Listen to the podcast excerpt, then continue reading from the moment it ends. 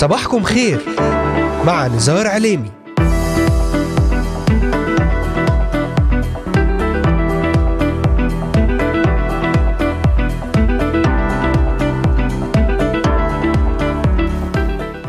أهلا وسهلا بكم أحبائي مستمعي ومستمعات إذاعة صوت الأمل وبجميع الذين انضموا الآن لبرنامج صباحكم خير.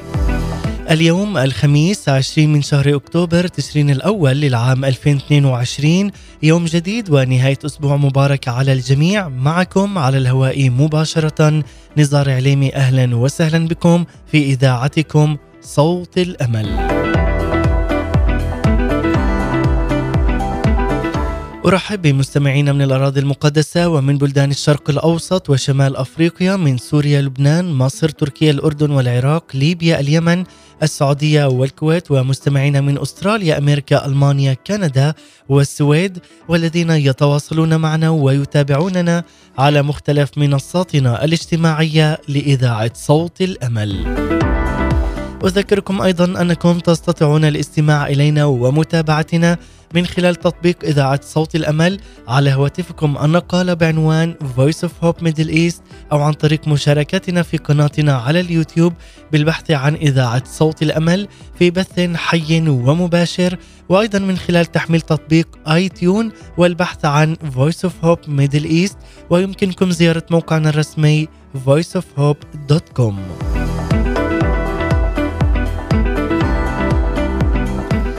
تابعونا على مدار هذه الساعة الصباحية ولأي سؤال أو استفسار تواصلوا معنا الآن وللتنويه تستطيعون أيضا الاستماع إلينا والعودة إلى جميع حلقات برنامج صباحكم خير وذلك من خلال متابعتنا على محرك البحث إذاعة صوت الأمل. في كل من تطبيقات أنغامي Spotify Deezer Amazon Music Apple Podcast و Pocket Cast ومنصتنا الجديدة التي انضممنا إليها وهي Podvine Podcast ستجدون جميع هذه الحلقات والعديد من البرامج الخاصة لإذاعة صوت الأمل على هذه المنصات الاجتماعية المختلفة. وأذكركم أن هذه الحلقة تعاد أيضا في تمام الساعة الثالثة ظهرا بتوقيت القدس. أهلا بكم.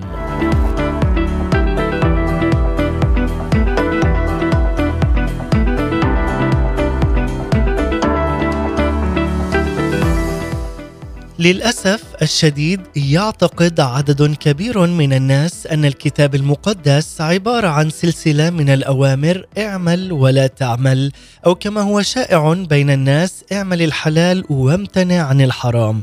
وخلال مسيرة التاريخ الطويلة أضاف الناس لوائح طويلة من عندهم إلى وصايا الله تقول اعمل هذا الأمر ولا تعمل ذاك الشيء. بل أن ديانات العالم وضعت لوائح عديدة من الأوامر والوصايا تبين لأتباعها ما يأكلون وما يشربون وما يلبسون وأي كلمات ينطقون.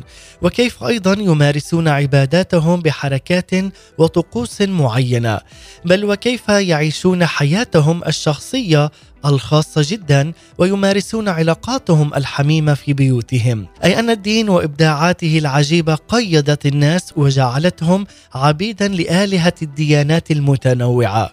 ولكن نشكر الله الحي والحقيقي الذي حررنا من قيود الناس والذي يريدنا أن نطيعه هو اولا. أو كما قال بطرس الرسول بوحي من الله ينبغي أن يطاع الله أكثر من الناس فالله يعرف ما هو الأفضل لي ولك. ويريدنا أيضا أن نبتعد عن العبادات الباطلة والمزيفة. ومعظم العبادات المنتشرة في هذا اليوم وخاصة في شرقنا الأوسط هي عبادات باطلة. وسبب ذلك هو الابتعاد عن وصايا الله والتمسك بوصايا الناس. لذلك يريد الله أن يجعل حياتنا مثالية بالكامل. فالله هو خالقنا هو كلي العلم وكلي الحكمة والمعرفة. هو الذي يستطيع أن يساعدنا في استخدام المعرفة العقلية والعلم بشكل صحيح ومستقيم وخال من أي شر أو طرق ملتوية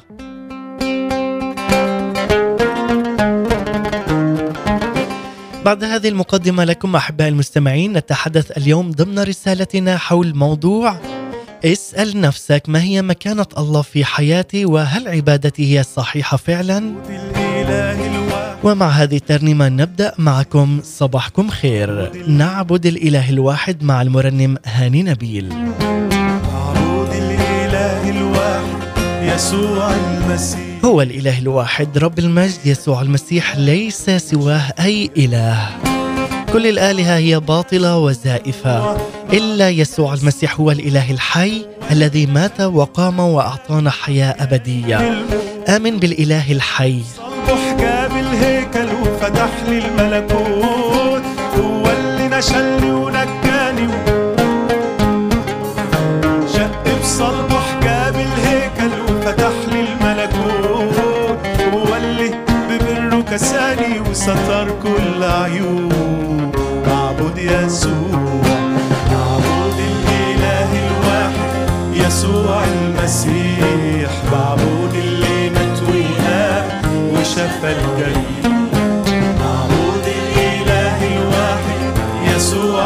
المسيح معبود اللي مات وقام وشفى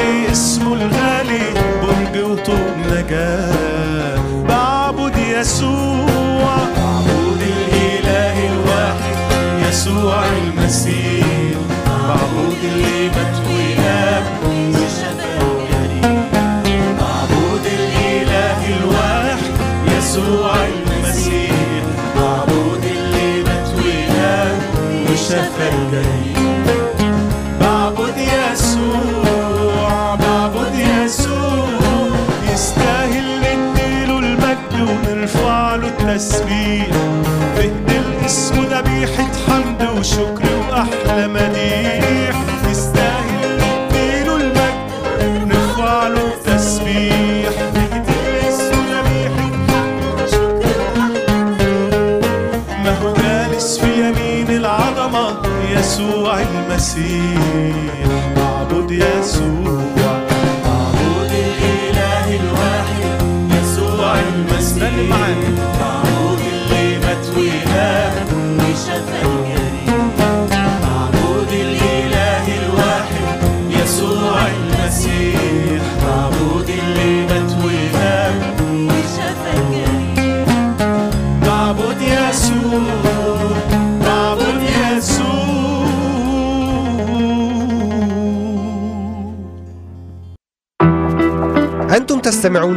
الآن لبرنامج صباحكم خير مع نزار عليني. نعم أحبائي عودة لكم بعد هذه الترنيمة التي افتتحنا بها في هذا الصباح الجديد ضمن برنامج صباحكم خير ونحن اليوم نتحدث في رسالتنا الجديدة حول اسأل نفسك ما هي مكانة الله في حياتي وهل فعلا عبادتي صحيحة له؟ رسالتنا أحبائي في هذا اليوم ترتكز على سفر الخروج في العهد القديم الإصحاح 20 وخاصة لكي نعرف معا أهمية العبادة للسيد الرب يسوع المسيح بالروح وبالحق؟ وهل فعلا الرب يسوع المسيح هو الأول في حياتنا؟ وهل فعلا عبادتنا له صحيحة؟ أم تحتاج إلى ترميم روحي لتكون منقادة بقوة الروح القدس؟ سنرى كل هذا وأكثر ضمن هذه الحلقة الجديدة من برنامج صباحكم خير. أهلا وسهلا بكم في هذا البرنامج عبر أثير إذاعة صوت الأمل. بداية عندما نقرأ في سفر الخروج الإصحاح 20 ومن العدد الأول حتى العدد الثالث يقول لنا ثم تكلم الله بجميع هذه الكلمات أنا الرب إلهك الذي أخرجك من أرض مصر من بيت العبودية لا يكن لك آلهة أخرى أمامي. واليوم اعلن معنا أنه لا يكن لك عز المستمع أي آلهة أخرى أمامك لأن سوى رب المجد يسوع المسيح هو الإله الوحيد هو إله أمس واليوم وإلى الأبد. لنعلن معا هذه الكلمات ونؤمن بها. كذلك أعطانا الله كتاب الحياة أي الكتاب المقدس. وهو الذي جاء إلى العالم بشخص الرب يسوع المسيح. وكما جاء في يوحنا الإصحاح العاشر والعدد العاشر أيضا لتكون لهم حياة وليكن لهم أفضل. من سوى يسوع المسيح الذي يمنح الحياة ومن سواه الذي يعطي لنا الحياة؟ لأنه هو مصدر الحياة. لكي لذلك نحن نؤمن بإله واحد آب ضابط الكل وهو رب المجد يسوع المسيح. هو الذي مات وقام لذلك هو حي هو حي في وسطنا. علينا أن نؤمن بشخص الرب يسوع المسيح. هل عليك فعلا أن تؤمن وتعلن في هذا اليوم؟ تعال معنا واعلن معنا هذا الإعلان العظيم أن يسوع المسيح هو ملك الملوك ورب الأرباب وأنه لا يكن لك أي آلهة أخرى أمامك في هذا اليوم.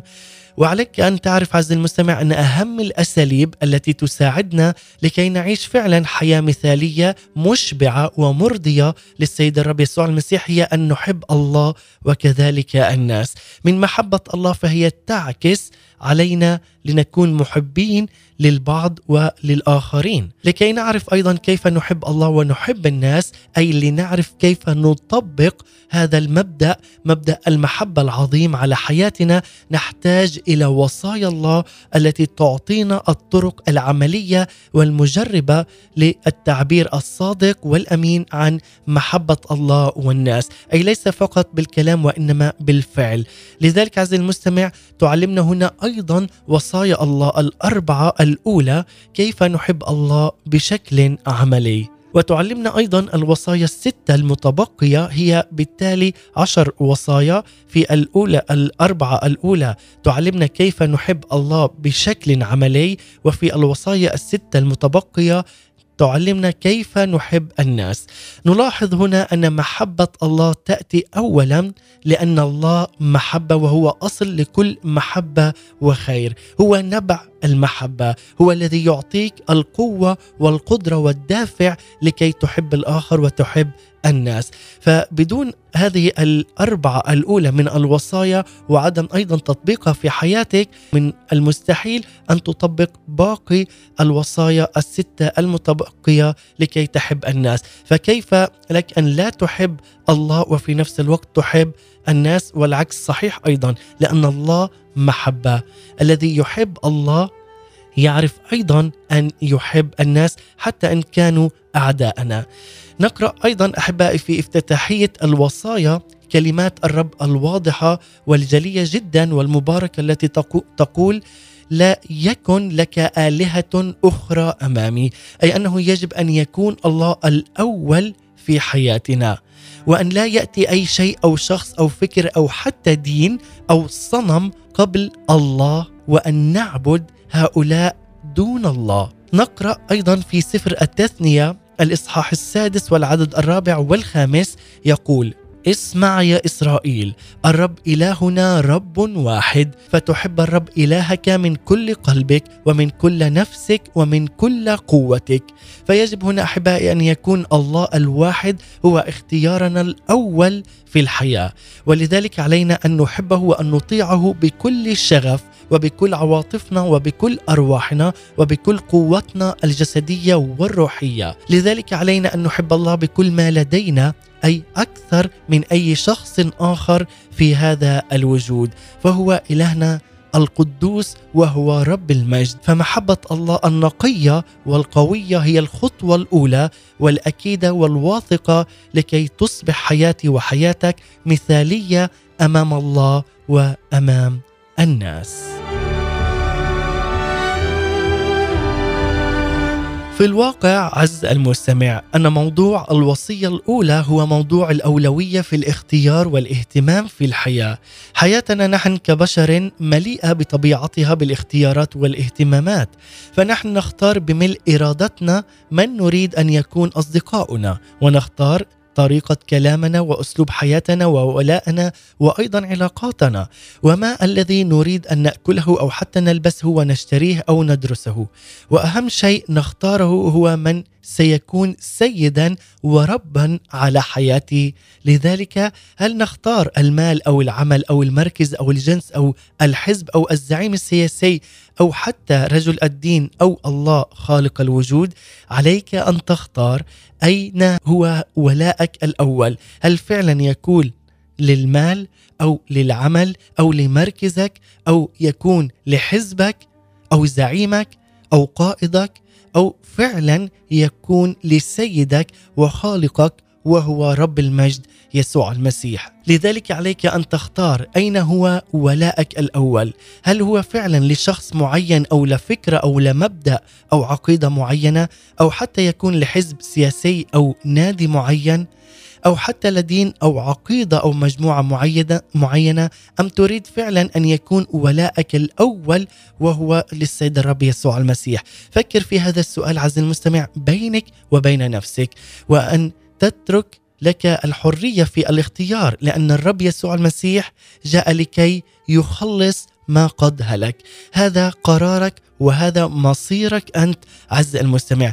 أنا هنا لكي أعطيك هذا لكي أعلمك وأيضا أقول لك عندما تؤمن بالسيد الرب يسوع المسيح يكون لك حياة أبدية، هذه هي رسالتي في هذا اليوم وأيضا في كل الأيام من خلال برنامج صباحكم خير، أن تأتي وتعلن مجد السيد الرب يسوع المسيح على حياتك، لنعلم أن هنالك جزء أساسي ومكون رئيسي في الإنسان وهو الميل إلى العبادة، فالعبادة هي من طبيعة الإنسان، أي أن المشكلة ليست فقط في العبادة نفسها بل هي المشكلة من تعبد من هذا الإله الذي تعبده. هل تعبد أشياء أو مبادئ أو أفكار أو أشخاص أو قيم عليا أم تعبد فقط الله الحي وهو رب المجد يسوع المسيح.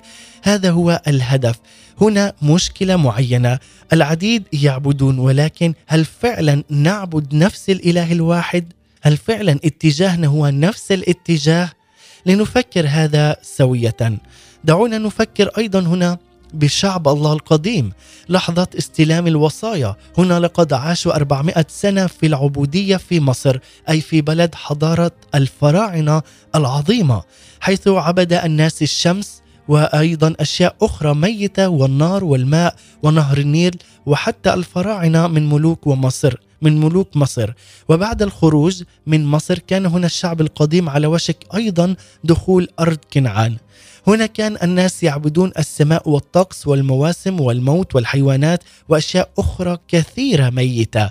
أي أن شعب الله القديم كان أمام خيارين خيارات كثيرة. وكان لابد لهؤلاء الشعوب أو لهذا الشعب أن يستمعوا لصوت من حررهم من تلك العبودية الذي قال بكل حزم ووضوح لا يكن لك آلهة أخرى أمامي. وفعلا لنقول معا لا يكن لي أي آلهة أخرى في أمامي ولا في بيتي ولا في أي مكان أنا أقوم وأذهب إليه. أمامنا اليوم أحبائي خيارات كثيرة وأكثر جدا مما كان أمام شعب الله القديم فماذا نختار؟ هل فعلا ما يزال هنالك شعوب في العالم تعبد الأشجار والحيوانات وأرواح والكواكب والنجوم وغيرها من المخلوقات؟ نعم. توجد أيضا شعوب تقول بأنها متطورة ومثقفة ومتحضرة. هذه الشعوب تعبد افكارا متنوعة كما وتعبد اشخاصا وفلاسفة وقادة ويبتعدون كل البعد عن أن يعبدوا الإله الواحد الرب يسوع المسيح. كذلك أيضا يزداد في هذا العالم عدد كبير الذين يعبدون عبادة الذات أو ما يسمى بالإنسانية. وهؤلاء أيضا يقولون لك أنه يجب أن تكون رغباتك وحتى حاجاتك هي المحور الأساسي في حياتك. كذلك أيضا هناك توجد ديانات رسمية كثيرة بطوائفها وشرائعها ورجالاتها وعقائدها ومذاهبها وأيضا طقوسها ولكن لا يعبدون الإله الواحد ولكن يعبدون إلها آخر ليس الرب يسوع المسيح.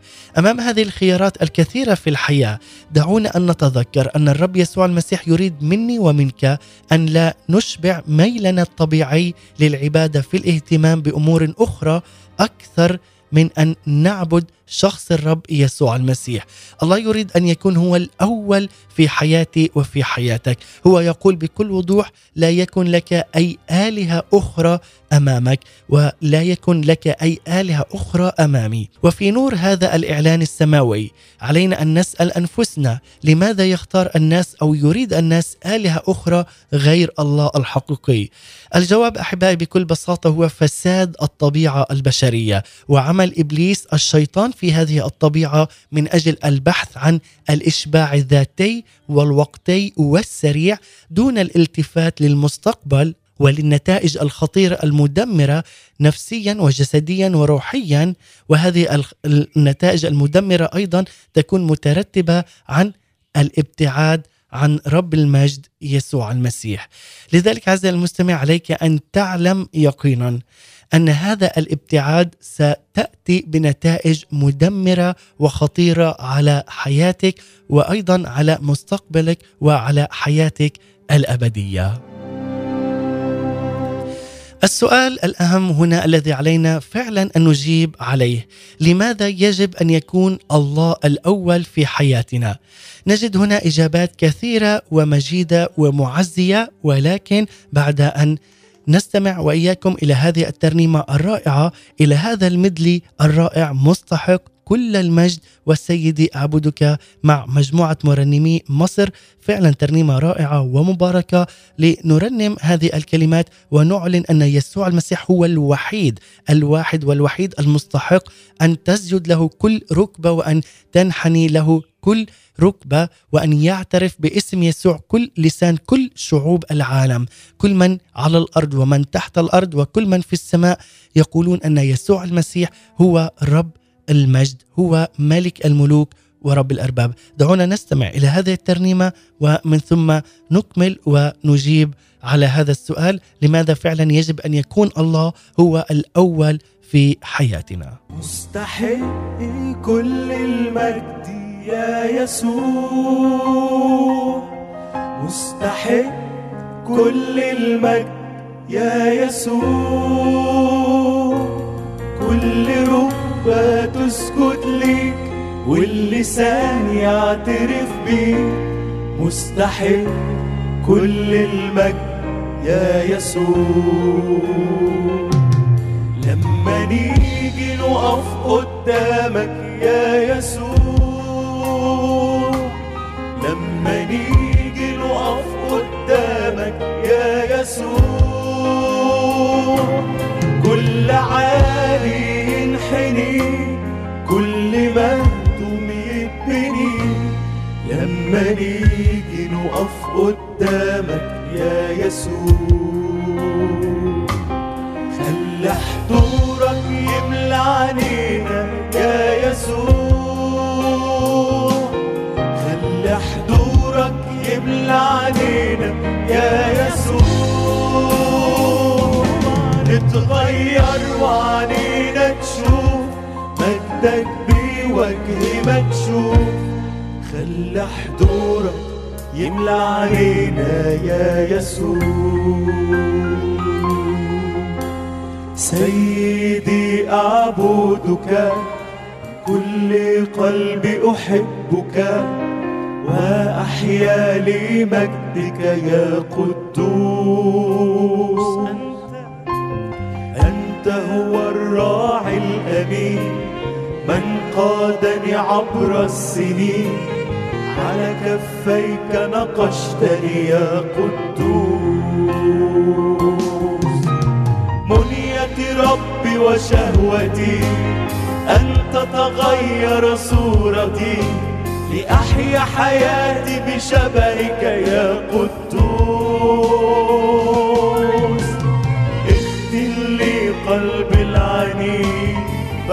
العائق الوحيد بيني وبين كمالك يا قدوس منية ربي وشهوتي تتغير صورتي. لأحيا حياتي بشبهك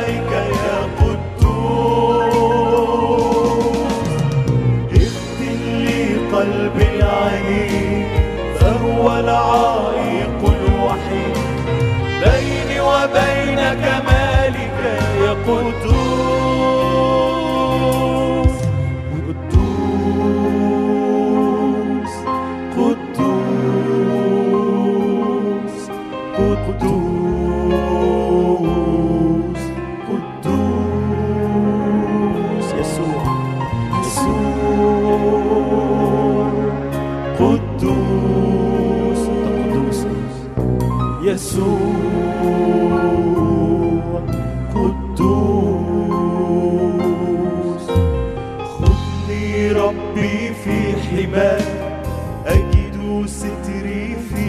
دماء راحتي عند صليبك يا قدوس. أنت هو الراعي الأمين من قادني عبر السنين. على كفيك نقشتني يا قدوس. بنيتي ربي وشهوتي أن تتغير صورتي. لأحيا حياتي بشبهك يا قدوس. اختم لي قلبي العنيد فهو العائق الوحيد. بيني وبين كمالك يا قدوس. بنيتي ربي وشهوتي أن تتغير صورتي. لأحيا حياتي بشبهك يا قدوس. اختم لي قلبي العنيد فهو العائق الوحيد. بيني وبين كمالك أنتم تستمعون الآن لبرنامج صباحكم خير مع نزار عليني. نعم عودة من جديد إليكم أحباء مستمعي ومتابعي إذاعة صوت الأمل في هذا الصباح الجديد وفي هذا اليوم الجديد ونحن نعلن القداسة والبر في هذا اليوم. لذلك بعد هذه الترنيمة الرائعة جدا ومع هذا الفريق الرائع وهذه الترانيم الرائعة مستحق كل المجد يا يسوع وسيدي أعبدك. وفعلا نقول اختن لي قلبي العنيد فهو العائق الوحيد بيني وبين كمالك يا قدوس. اعلن اليوم قداسة وبر وسلام وفرح إلهي يملأ حياتك. ونحن اليوم أحبائي نتحدث وإياكم في رسالتنا حول اسأل نفسك ما هي مكانة الله في حياتي وهل عبادتي صحيحة له؟ ورسالتنا في هذا اليوم ترتكز على سفر الخروج في العهد القديم. الإصحاح 20 وخاصة لنعرف معا أهمية العبادة للرب يسوع المسيح بالروح وبالحق. وفعلا هل يسوع المسيح هو مركز حياتنا وهو الأول في حياتنا؟ وهل فعلا عبادت- عبادتنا هي صحيحة لرب المجد يسوع المسيح أم تحتاج إلى ترميم روحي تكون فعلا منقادة بقوة الروح القدس؟ قبل هذه الترنيمة سألنا هذا السؤال وهو سؤال مهم لماذا يجب فعلا أن يكون الله الأول في حياتنا؟ نجد هنا أحبائي هذه الإجابات الكثيرة والمعزية. الله وماذا يمكننا أن نضيف على حقيقة كونه هو الإله الحقيقي والوحيد؟ كما أنه لأنه الذي قال فخلق فبمجرد أن نطق بكلمته المبدعة تفجر الكون بالمخلوقات الرائعة من نجوم وكواكب ونور وحياه وكل شيء. لأنه هو الذي خلق الإنسان من التراب وأعطاه أيضا نسمة حياة. لأن الوحيد هو الكائن خارج الزمان والمكان. لماذا علينا أن نؤمن بالرب يسوع المسيح وأن يكون هو الأول في حياتنا أيضا؟ لأنه هو الوحيد الذي يمسك الأشياء ويضبطها بالكامل. لأنه أيضا هو الوحيد الكامل وغير المحدود في القداسة وأيضا في المحبة. لأنه هو الوحيد الذي لا نستطيع أن نتخيله أو نحصره. لأنه هو الوحيد الذي تكلم مع الجنس البشري فهو الوحيد الذي يصل إلى كل واحد منا بمفرده. بيده ويقيم أيضا علاقة شخصية مع كل إنسان يفتح قلبه أمامه وهو الوحيد الذي يعرف كل شخص في هذا العالم. لأنه أيضا هو الوحيد الذي أحبنا ويحبنا بشكل دائم ومستمر. لأنه هو الوحيد الذي يخاطبنا بصوت خافت وهادئ عندما نكون أيضا متألمين أو وحيدين دون معين أو معزي أو أي صديق لأنه هو الوحيد أيضا الذي يشارك كل واحد منا كل لحظة في حياتنا. هو معنا منذ أن تكونا هو يساعدنا في التنفس في وظائف أعضائنا الداخلية الجسدية فهو معنا في كل خفقة قلب ورمشة عين ونسمة أنف لأنه أيضا هو الوحيد الذي يشتاق أن يسمع إلى صوتك وأن يعرف همومك وأحزانك وفشلك وصراعاتك الداخلية. ومع أنه قد تكون هناك ملايين من الأصوات التي تصرخ إلى الله في نفس اللحظة إلا أنه يستطيع فعلا أن يميز صوتك وهمسك وأن يميز هذا الصوت من عندك أنت. لذلك هو الإله كلي الوجود والمعرفة. كل هذه الحقائق أحبائي عن الله يجب فعلا أن تدفعنا لجعل الله الأول في حياتنا. في كل لحظة وكل يوم وفي كل مكان وفي أي مكان أو أي شخص أو جماعة علمهم أن يسوع المسيح هو رب المجد وهو أيضا الذي أحيانا وأعطانا حياة أبدية. لذلك عزيزي المستمع يوجد أيضا عدد من الحقائق والأساسية في قول الله لا يكن لك آلهة أخرى أمامي. يجب أيضا علينا ملاحظتها وأخذ عبر منها. هذه العبر تكون أن يجب أن نتخلص من أي فكرة أو عادات أو أي أشياء يحتل المركز الأول في حياتنا نيابة عن الله، أي أننا علينا التخلص من أي فكرة أو من أي عادة أو من أي شيء يحتل المركز الأول في حياتنا ويكون نيابة عن الله، فالله يجب أن يكون هو الأول. ثانيا كلمة آلهة في قول الله لا تعني بالضرورة وجود أرواح أو آلهة غير الله. كما يظن القدماء بوجود إله للشمس أو إله للقمر أو إله للخصب أو إله للنيل أو مجموعة الآلهة اليونانية والرومانية. فالآلهة غير موجودة نهائية والتعبير هنا يشير عمليا إلى مجموعة الأوهام والأفكار والعقائد وحتى الأشياء التي جعل منها الناس آلهة واربابا على حياتهم. فهي أمور من اختراع البشر إنها آلهة كاذبة وميتة. كما نقرأ في سفر ملوك الثاني الاصحاح التاسع عشر يقول هكذا تكلمون حزقيا ملك يهوذا قائلين لا يخدعك إلهك الذي أنت متكل عليك قائلا لا تدفع أورشليم إلى يد ملك آشور إنك قد سمعت ما فعل ملوك آشور بجميع الأراضي لإهلاكها. وهل تنجو أنت هل أنقذت آلهة الأمم هؤلاء الذين أهلكهم آبائي جوزان وحاران ورصف وبني عدن الذين في تلسار؟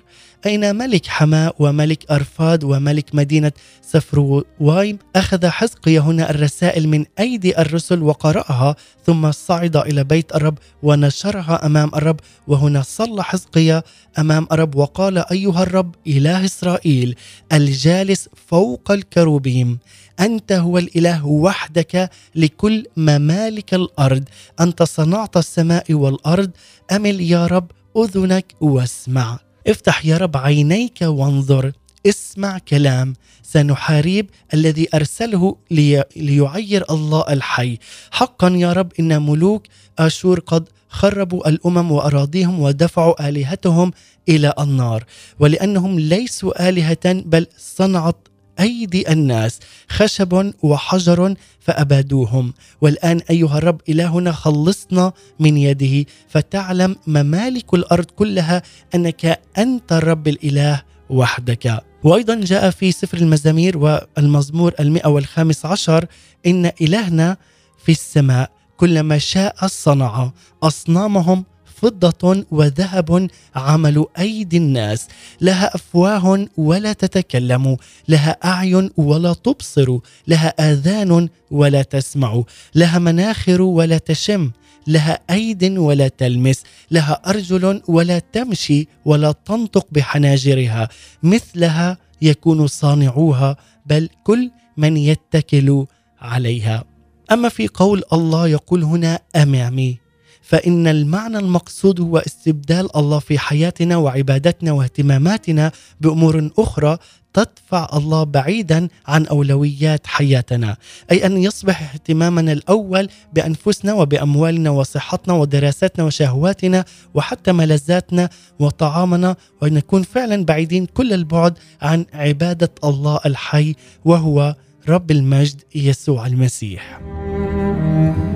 لذلك يقول إن إلهنا في السماء كل ما شاء صنع. واليوم أحبائي كم نرى فعلا العديد يعبدون آلهة وتماثيل وهي يقول هنا في سفر المزامير لها أفواه ولا تتكلم لها أعين ولا تبصر لها آذان ولا تسمع. وكم منا فعلا نرى هؤلاء الناس؟ أنهم يعبدون ويسجدون لتماثيل مصنوعة من أيد البشر لها أرجل ولا تمشي ولا تنطق بحناجرها. مثلها يقول هنا يكون صانعوها بل كل من يتكل عليها. لماذا؟ لأن هذه آلهة من صنع الحجارة من صنع أيدي الناس وهي آلهة ميتة وتميت الذين يتكلون عليها. لذلك عليك أن تعبد الإله الواحد والوحيد فقط وهو رب المجد يسوع المسيح له كل المجد. لذلك نركز أيضا في هذا اليوم أحبائي على هذه الآية التي تقول أن لا يكون فعلا أمامك أي آلهة أخرى أن تعبد فقط السيد الرب يسوع المسيح. لا يكون لك آلهة أخرى أمامي يقول السيد الرب لكل واحد فينا في هذا اليوم. لماذا؟ لكي يكون هو الرئيس والملك على حياتك وهو الإله الواحد والوحيد على كل حياتك عز المستمع. إذ تركنا أحبائي لإبليس ولو مكان جدا صغير في حياتنا سوف يستغل هذه الثغرة ليحطم كل حياتنا. لماذا؟ لكي يبعدنا عن الله. هذا هو هدف إبليس أن يحطمنا روحيا نفسيا وجسديا وأن يبعدنا عن رب المجد يسوع المسيح. فالأولوية لله يجب أن تكون كاملة وأن نحرص فعلا من آلهة العالم المزيفة والمختلفة والميتة. وأهمها آلهة اللذة وهي إدمان طلب اللذة مثل إدمان المخدرات. ثانيا آلهة الملكية فعين الإنسان لا تشبع وهو يريد دائما المزيد والمزيد من حياته هنا على الأرض باللذة الجسدية. وهنا إله الأنا أولا. عندما يصبح كل ما يعمله ويقوله الشخص يدور دائما حول نفسه. حتى صلواته وأحاديثه مع الناس وكل أعماله تصبح حول شخصه.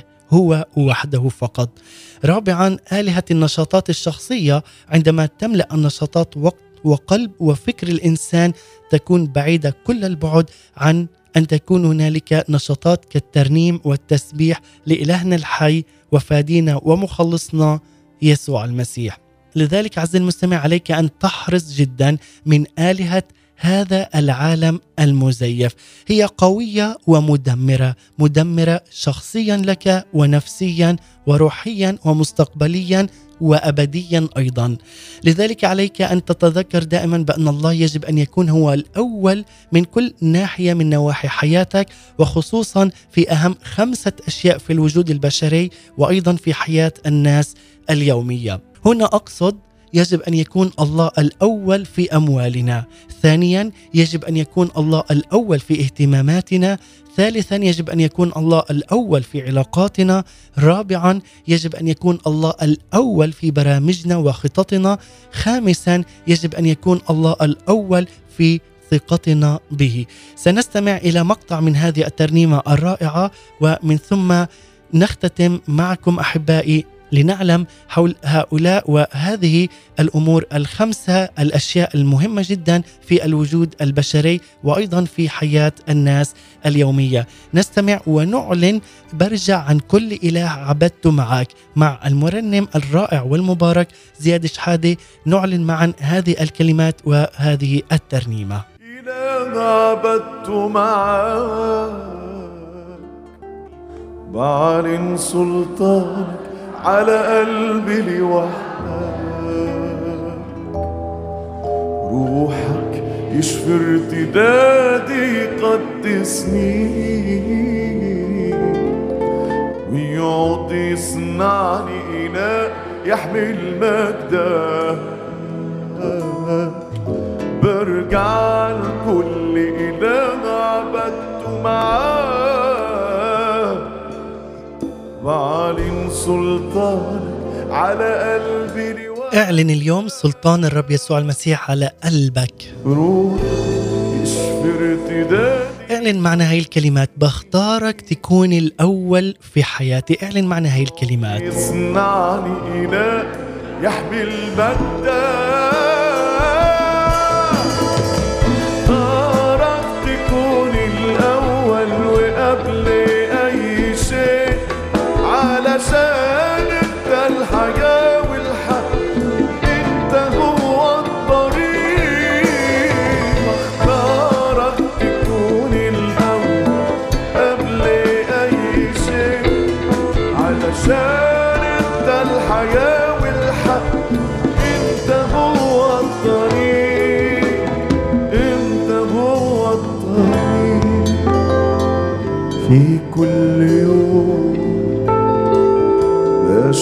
امور كلمت قلبي فيها من سنين لكن في يوم أمسك يقول أنا راجع تاني وهنهض ملايين دربني ربي ويخلي قلبي يرجع يعيش لمجدك من جديد. هنهض هقول أرجع هتوب أنسى معاك ضعفي وهقول أنا هرجع لك من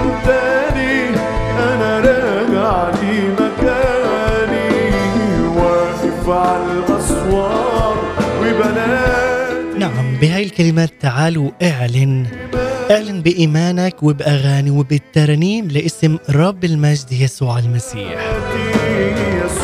اعلن إنه يسوع هو يكون الأول وأن تختار رب المجد يسوع المسيح أن يكون هو الأول في حياتك.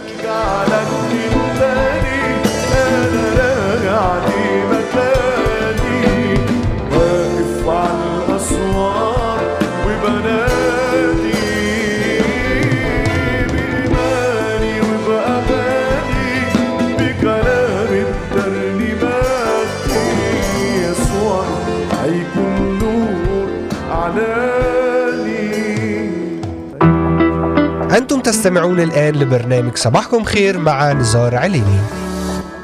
نعم أحبائي والآن نختتم وإياكم بهذه الخمسة أشياء في الوجود البشري وحياة الناس اليومية بعد ان استمعنا إلى هذه الترنيمة الرائعة مع المرنم زياد شحادي.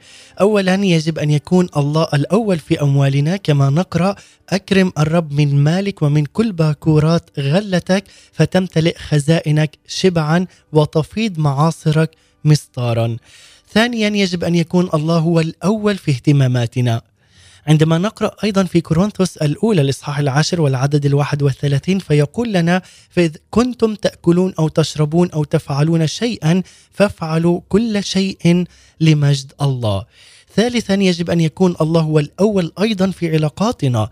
عندما نقرأ من سفر الأمثال الاصحاح الثاني عشر والعدد السادس والعشرين يقول الصديق يهدي صاحبه أما طريق الأشرار فتضلهم. رابعا يجب أن يكون الله الأول أيضا في برامجنا وخططنا اليومية. لذلك عندما نقرأ في رسالة أفسس الإصحاح الخامس والعدد السادس عشر يقول مفتدين الوقت لأن الأيام شريرة. وأيضا في الخامس موضوع وهو الأخير يجب أن يكون الله هو أيضا الأول في ثقتنا. عندما نقرأ هنا في روميا الإصحاح العاشر والعدد التاسع حتى الحادي عشر يقول لأنك إن اعترفت بفمك بالرب يسوع المسيح وآمنت بقلبك أن الله أقامه من الأموات. خلصت؟ لأن القلب يؤمن به للبر والفم يعترف به للخلاص. لأن الكتاب يقول كل من يؤمن به لا يخزى ابدا. واليوم أدعوك عزيزي المستمع وأقول لك فعلا إن تؤمن بالسيد الرب يسوع المسيح لا تخزى ابدا. مبارك الرجل الذي يتكل على الرب وكان الرب متكله. هذه هي كلمتي الأخيرة قبل الاختتام وأن نعلن في هذا اليوم أحبائي المستمعين والمتابعين أن يسوع المسيح هو له المكانة الأولى في حياتنا وأن نعبده بالروح وبالحق وبقوة وسلطان الروح القدس على حياتنا. أحبائي قبل الاختتام بترنيمة جدا رائعة مع القس أمجد سعد ذكري عايشين والوعد بيحمينا. سنستمع الآن وننتقل إلى الفقرة الثابتة والتي تبث لكم أيام الاثنين والأربعاء والخميس بعنوان وجبات روحية مع مقدمة وكاتبة هذه التأملات ايناس دكور سمعان. وجبة صباحية لكم من جديد في هذا اليوم الجديد والمبارك. نستمع ونختتم بالترنيمة. وجبات روحية صباحية عصرية ومسائية. مع إناس دكوهر سمعان. هنا إذاعة صوت الأمل للشرق الأوسط. أهلا بكم. وجبة تأمل ربي وإلهي يسوع المسيح هل أقول لك شكرا؟ لا لن أقول لك شكرا. كما نتداولها في الحديث اليومي وفي الأغاني لأنك لست من هذا العالم لكنك جئت من أجل العالم. سأقول لك مجدا لك لأنك المعنى لحياتي مجدا لك لأنك ملأت فراغ الروح ولم تنجح العلاقات ولا الأخلاقيات أن تملأ هذا الفراغ. مجدا لك لأنك أصبحت شبعي وسروري يا قدوس. ليس على الأرض فحسب بل في رجاء الأبدية أيضا. سأردد مجدا لك لأنك أصلحت طبيعتي الفاسدة بدمك الثمين. أنا لست خاطئة لأني أفعل الخطيئة بل أنا بالإثم ولدت وفي الخطيئة حبلت بي أمي. وكل ما يصدر عني أنا الإناء الخزفي هو الخطيئة. أي الخلل في خليقتنا العتيقة. غير الصالحه مجدا لك لأنك بصليبك منحتنا طريقا ننجو من عقاب الخطيئة. مجدا لك لأن هناك حرية الاختيار بين الحياة والموت. مجدا لك لأن هناك حرية الاختيار بين الظلمه والنور بين البركة واللعنة. مجدا لكلمتك يا قدوس مجدا لك حبيبي يا يسوع البار لأنك أعطيتنا الفرصة أن نكون مخلصين بالنعمة وليس بأعمال برنا لئلا نتفاخر بعضنا على بعض. مجدا لاسمك الذي بجلدته شفينا وبدونك ليس هناك شفاء أو صلاح. بدمك غفرت خطايانا وسرنا أبرار أمام عرش النعمة. لأنك ذبحت من أجلنا صلبت وأنت بار لنحيا نحن ونسلنا حياة النصرة والغلبة فيك ومعك ومنك يا رب الحياة ورئيس السلام. آمين.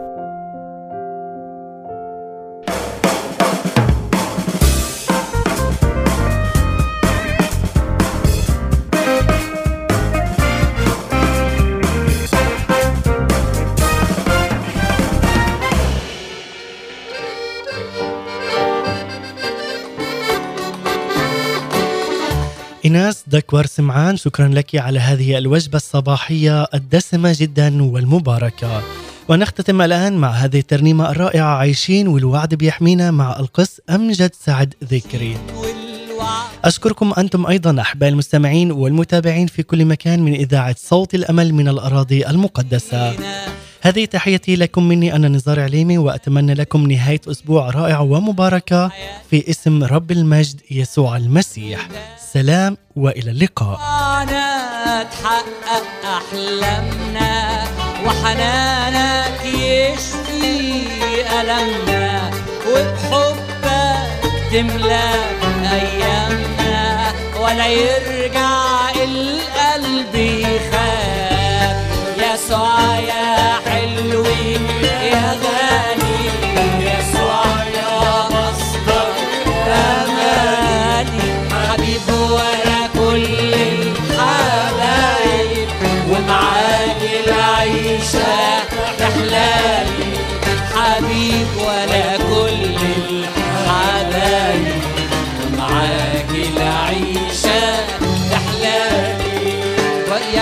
أشواك الهم تزول وأنين الكسرة معاك وحياتنا معاك تهتف وتقول فإلهنا إله غالب ومعقول لا دموع ولا حزن ولا هموم ده مسيحنا في قلبه لينا أفراح وخلاص مش راح يبقى ولا يدوم في القلب أوجع ولا جراح يسوع يا حلوي يا غالي يسوع يا مصدر أمان إذاعة صوت الأمل The voice of hope.